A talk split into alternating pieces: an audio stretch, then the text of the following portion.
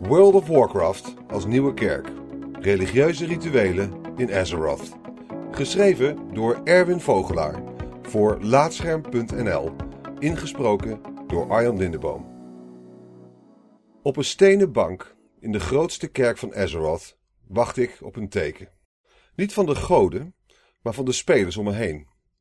Het duurt nog geen vijf minuten of een speler genaamd Jessar loopt binnen. Hij knielt neer voor de trap leidend naar het altaar en typt: Lord, forgive me for my sins. Even a lightbringer, a paladin, let you down. I hope you can forgive me and I forgive myself. I have faith in you, Lord. Hij staat weer op en loopt weg. Ondertussen juich ik achter mijn computer. In 2014 werkte ik aan mijn masterscriptie voor de opleiding religiewetenschappen. Mijn plan was om een antropologische studie naar religieuze rituelen in de virtuele wereld van World of Warcraft te doen.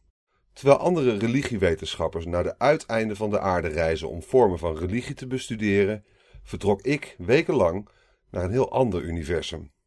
Maar daar zit je dan, op een bank in een virtuele kerk met je kerstverse virtuele priester.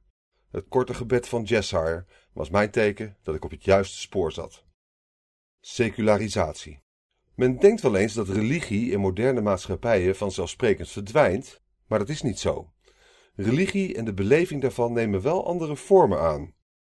Media zijn bijvoorbeeld nieuwe aanbieders van religieuze verbeelding en hebben bepaalde sociale functies van geïnstitutionaliseerde religie overgenomen. Bij nieuwsuitzendingen, films, literatuur en games vinden mensen nu plekken voor morele oriëntatie, rituelen en gemeenschap. Gekeken naar World of Warcraft zijn deze rituelen het duidelijkst zichtbaar. Ze worden grotendeels uitgevoerd door spelers die een rollenspel spelen en zich dus gedragen als een heilige krijger of priester. Ze bidden in de game om zo de religiositeit van het personage dat ze spelen in te vullen. Er worden zelfs huwelijken afgesloten, zowel voor geliefden die elkaar ook in de echte wereld kennen, als spelers die elkaar enkel in hun rollenspel trouw beloven. Maar hoe goed de twee spelers elkaar ook in het echt kennen, hun gecreëerde avatars blijven altijd een rol spelen. Deze dubbele identiteit is bij herdenkingen in de virtuele wereld nog lastiger. Niet alleen de mens wordt bij deze bijeenkomsten herdacht, maar ook het personage dat diegene speelde. Sterker nog, dat personage zullen de vrienden in World of Warcraft vaak beter kennen dan de persoon die erachter zat. Spel en ritueel. Het klinkt wellicht vreemd, maar spel en ritueel hebben veel met elkaar gemeen. De deelnemer van een ritueel transporteert zich net als de speler van een game naar een soort andere wereld. Zowel spel als ritueel bieden duidelijke regels, een narratief en conflict. Ook vindt er een vergelijkbare afbakening van ruimte plaats. Een game als World of Warcraft biedt zelfs meerdere lagen van afbakening. Niet alleen door de gemaakte wereld die bestaat uit losse continenten, maar ook omdat deze wereld alleen te bereiken is van achter een computerscherm. De bureaustoel als nieuwe kerkbank. Binnen Azeroth zijn er weer aparte plekken gereserveerd voor rituelen, zoals de religieuze gebouwen. Deze locaties worden duidelijk anders benaderd dan de rest van de wereld. Spelers komen er niet zomaar, maar zodra ze wel een kerk binnenwandelen, gedragen ze zich automatisch netter. Ze lopen in plaats van rennen en ze praten in plaats van schreeuwen. Natuurlijk zijn er uitzonderingen, maar over het algemeen voelen religieuze gebouwen in Azeroth als uitzonderlijk rustige locaties. Een sterk contrast met de drukke en gevaarlijke wereld eromheen. Spelers kunnen op deze plekken een gebed houden om, bewust of onbewust, orde te scheppen in de hectiek van de game, maar ook in hun echte leven.